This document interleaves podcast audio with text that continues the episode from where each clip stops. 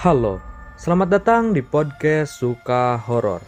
Di episode kali ini gua bakal lanjutin cerita Nini Mariam. Kali ini bareng gua, Dani.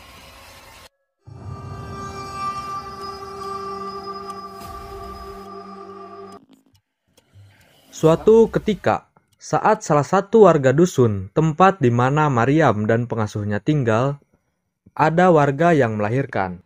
Mariam dengan ramah membantu dan menolongnya. Setelah persalinan selesai, Mariam begitu tergiur oleh ari-ari bayi tersebut.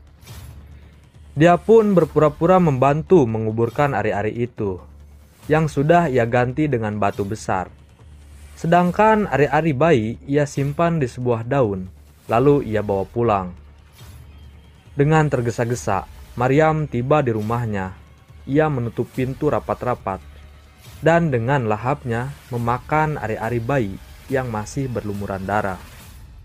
Semenjak itulah, Mariam menjadi pemakan ari-ari bayi. Apabila ia tak memakan ari-ari bayi, maka semua tubuh serta wajahnya tak cantik serta halus lagi. Rasa terbakar serta sakit akan menyiksanya. Pernah suatu ketika Nini Mariam tak bisa memakan ari-ari bayi. Kulitnya tiba-tiba berbulu, muka menghitam, wajahnya menjadi tua.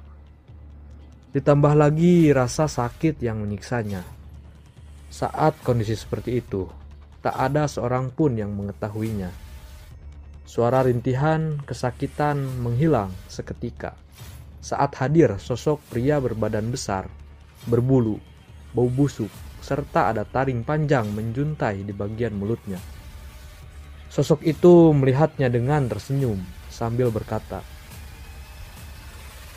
"Kau tak akan bisa kembali cantik, Mariam. Kau hanya bisa hidup lebih lama dan kuat, serta ditakuti para pemilik ilmu hitam." asal kau terus melakukan pemujaan kepadaku. Ucap sosok itu. Tolong bantu aku. Aku tak tahan dengan rasa sakit ini. Apa pun akan kulakukan, asal rasa sakit ini hilang. Aku tak butuh wajah cantik. Aku hanya butuh kekuatan. Jawab Nini Mariam. Aku akan membantu menghilangkan rasa sakitmu. Dengan cara kau harus terus memakan ari-ari bayi maka kekuatan ilmu hitammu bertambah dan kau akan kekal hidup selamanya. Semua orang akan tunduk padamu. Namun wajah tuamu saat ini tak bisa kembali lagi menjadi gadis seperti semula. Kau juga harus memujaku agar kekuatanmu semakin sempurna. Bagaimana? Kau setuju? Ucap sosok itu. Baik, Aku setuju dengan syarat itu. Bantu aku agar bisa mendapatkan ari-ari bayi itu untuk kumakan. Ucap Nini Mariam. Baiklah, kita sepakat. Jawab sosok hitam itu. Dan Nini Mariam pun berubah menjadi sosok nenek tua berambut putih panjang serta kulit yang mengeriput dan rasa sakit yang luar biasa itu pun menghilang. Bahkan ia berasa kuat dan hebat. Sebelum sosok itu pergi meninggalkan Nini Mariam, ia berkata, Ingat janjimu, Mariam, teruslah memujaku. Siapkan tempat khusus untukku di dalam rumah ini. Nini Mariam hanya mengangguk sembari tangannya bersimpuh seolah mengiyakan permintaan itu. Setelah kejadian itu, Nini Mariam pindah ke dusun yang saat ini ia tempati hidup sehari-hari layaknya nenek-nenek pada umumnya yang masih tampak sehat. Suatu ketika, Pak Iwan berusia sekitar 45 tahun, salah satu warga dusun itu. Ia mengalami suatu penyakit yang begitu aneh. Sekujur tubuhnya mengeluarkan bau busuk dan mengeluarkan belatung, membuat keluarganya tak tahan untuk merawatnya bukan hanya karena bau busuk yang timbul dari badannya, tapi juga jijik dengan belatung yang setiap hari keluar dari tubuhnya. Pak Iwan memiliki dua anak perempuan, yang keduanya sudah menikah dan sedang mengandung. Derita sakit Pak Iwan tak hanya di situ saja. Semenjak ia sakit aneh itu, sang istri pun pergi meninggalkannya. Begitu juga dengan kedua anak serta menantunya. Pak Iwan ditinggal begitu saja, dalam keadaan tak berdaya. Desas-desus penyakit Pak Iwan didengar oleh Nini Iam. Ditambah ia mengetahui dua anak perempuan Pak Iwan sedang hamil. Membuat Nini Mariam berpikir untuk menjalankan aksinya. Nini Mariam mendatangi rumah Pak Iwan yang sudah sangat tak terurus. Dengan membawa bekal makan, berniat menjenguk, tapi hatinya tak setulus niatnya. Permisi, ada orang di rumah? Ucap Nini Mariam dengan nada suara lembut. Silahkan masuk saja, ucap Pak Iwan dengan nada lemah. Saat Nini Mariam membuka pintu rumah, bau busuk menyeruak. Tapi hal itu justru menjadi sebuah bau wangi untuk Nini Mariam. Oh Allah, Nini Mariam. Jangan masuk nih, saya bau dan jijik. Ucap Pak Iwan lemah dalam pembaringannya. Gak apa-apa pak, niat saya mau menjenguk. Ini saya bawakan sedikit makan untukmu. Ucap Nini sambil menyerahkan bungkusan makanan yang ia bawa. Gak perlu repot-repot nih. Saya sakit begini hanya ingin mati biar istri serta anak-anak saya gak malu lagi sama penyakit saya. Ucap Pak Iwan sambil menangis. Semenjak Pak Iwan sakit, keluarganya mengasingkan diri dari para warga dusun yang tak tahan akan bau busuk dari sakitnya. Jangan ngomong begitu, Pak. Dirimu pasti sembuh Ucap Nini memberi simpati, padahal hatinya berkata lain. Ya udah, dimakan itu makanannya biar cepat sembuh. Nini pamit pulang dulu. Imbuh Nini sambil tersenyum menyeringai sebelum meninggalkan Pak Iwan sendirian. Baik nih, makasih sudah bersedia menengok. Ucap Pak Iwan sambil memakan makanan yang dibawa Nini Mariam. Tak lama terdengar suara teriakan kesakitan, memilukan, yang berasal dari rumah Pak Iwan. Suara berteriak meminta tolong, tapi hanya Nini Mariam yang mendengar, karena ia belum begitu jauh. Saat ia beranjak dari rumah Pak Iwan. Katanya kau mau mati Iwan, itulah ajalmu. Nikmat bukan makanan penutup kematianmu. Aku akan datang dua hari lagi Kubiarkan dulu tubuhmu menjadi bangkai agar lebih nikmat saat kusantap. Gumam Nini Mariam kemudian pergi meninggalkan tempat itu. Tepat malam kedua meninggalnya Pak Iwan, yang tanpa diketahui siapa pun, Nini Mariam mendatangi rumah tersebut dengan keadaan yang gelap gulita sambil berjalan dengan senyum menyeringai. Ayo para iblis, kita makan tubuh si Iwan ini dengan lahap. Nini Mariam pun memakannya dengan lahap. Setelah kejadian itu, dusun kembali tenang. Tak ada lagi yang sakit serta kehilangan ari-ari. Karena begitulah, kalau Nini Mariam memakan bangkai atau jasad, ia tak akan beraksi sampai malam Jumat Kliwon selanjutnya. Keadaan dusun kembali mencekam saat bulan purnama dan tepat malam kliwon. Suara jeritan kesakitan dari salah satu warga dusun yang saat itu hendak melahirkan. Malam menjadi mencekam, hembusan angin yang begitu kencang, ditambah terangnya purnama bersinar. Ampun, aku gak kuat. Ini sakit sekali, Bu. Ke mana Mas Joko? Kenapa lama sekali? Kenapa lama sekali memanggil dukun di dusun sebelah, Bu? Ucap Dewi yang sedang berusaha menahan rasa sakitnya kepada ibunya yang saat itu menjaganya. Tanpa mereka ketahui, Nini Mariam sudah memperhatikan mereka dari luar rumah. Nini Mariam menjelma menjadi dukun yang bisa membantu persalinan para warga dari dusun sebelah. Suami Dewi berlari tergesa-gesa ke rumah. Ia ingin menyampaikan bahwa dusun beranak di dusun sebelah tak ada di rumahnya. Namun, saat hendak tiba di pekarangan rumah, ia terkejut melihat dukun beranak itu ada di depan rumahnya. Ya Allah, Ni, saya tadi ke rumah Nini, tapi gak ada. Ucap Joko kepada Nini Mariam yang menjelma menjadi dukun beranak. Ya wes, ayo kita masuk. Kita bantu istrimu melahirkan. Ucap Nini penuh semangat. Proses persalinan pun berjalan lancar. Namun tanpa mereka ketahui, ari-ari bayi Joko dan Dewi ditukar Nini Mariam dengan sebongkah batu yang ia bungkus dengan kain, lalu ia kuburkan selayaknya ari-ari bayi. Sedangkan ari-ari bayi yang asli ia simpan di sebuah bungkusan yang terbungkus daun pisang. Setelah merasa semua beres, Nini pun pamit. Saya permisi pulang ya, karena sudah malam.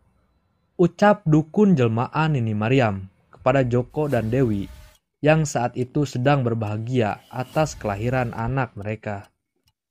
Ya sudah, ayo nih, saya antar pulang.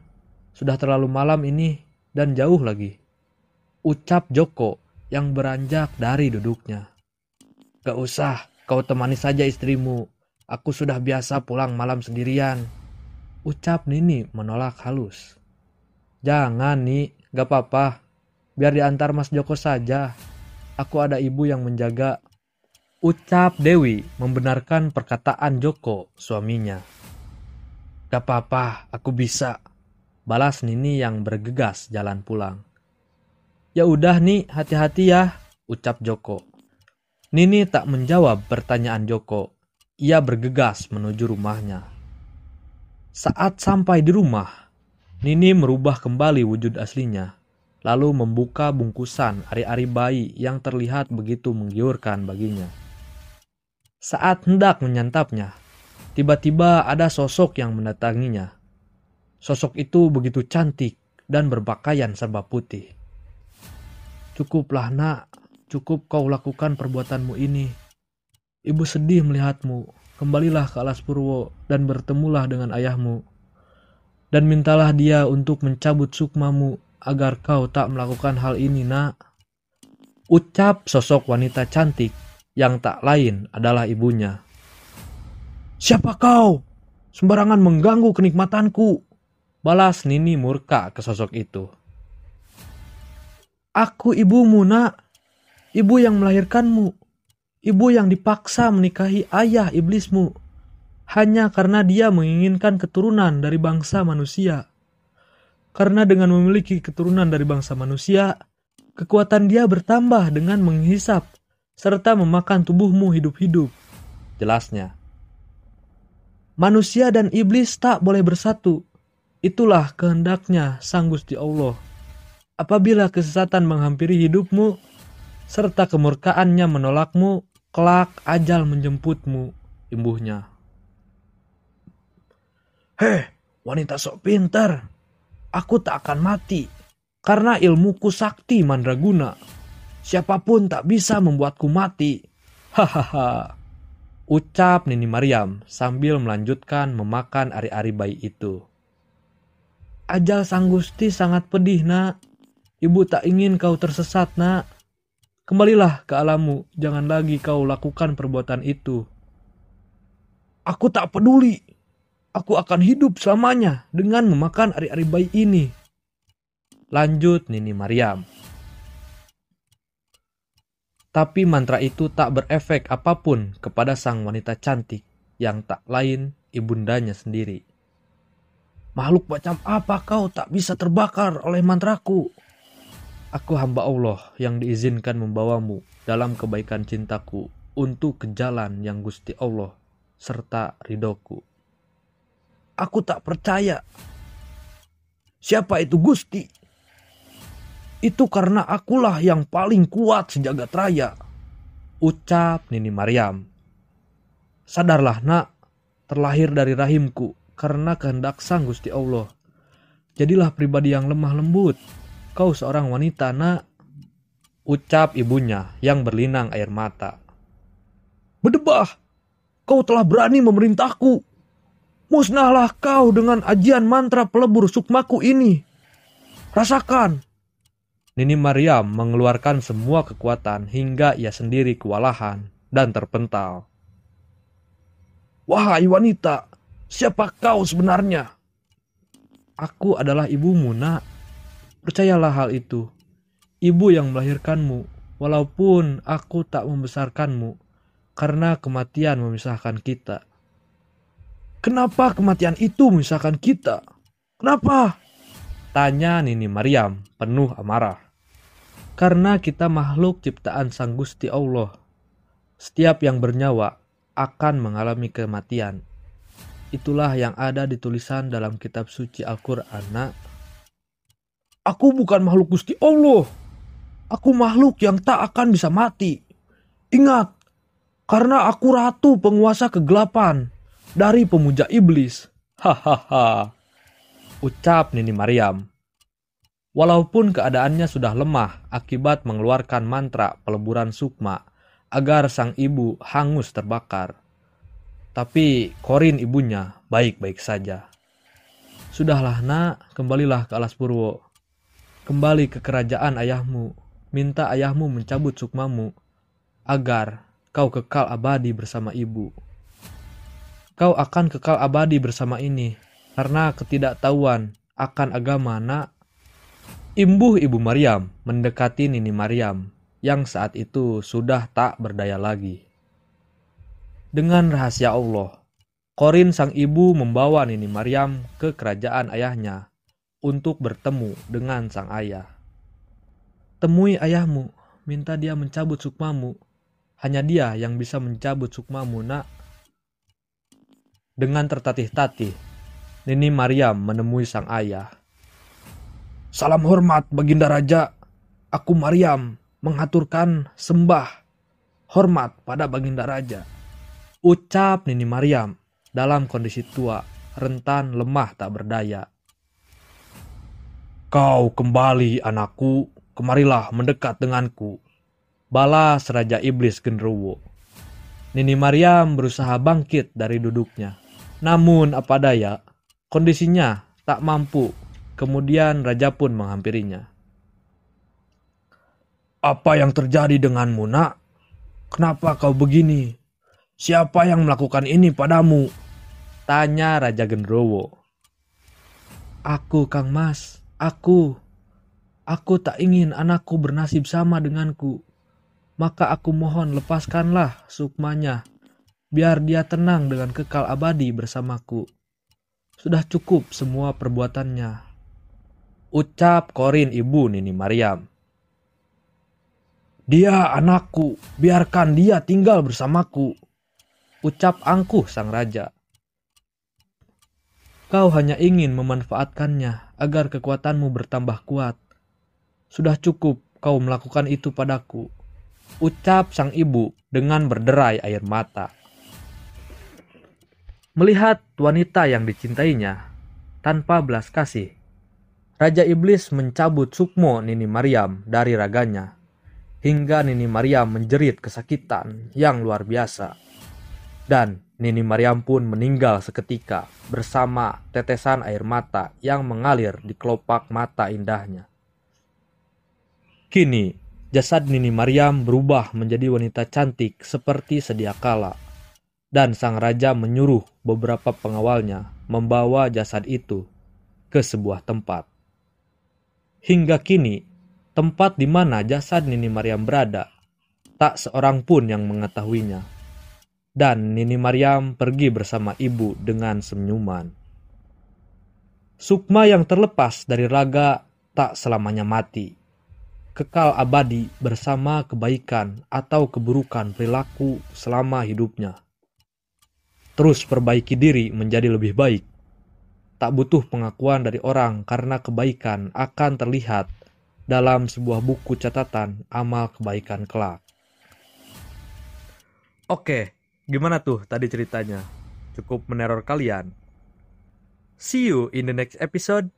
Bye bye.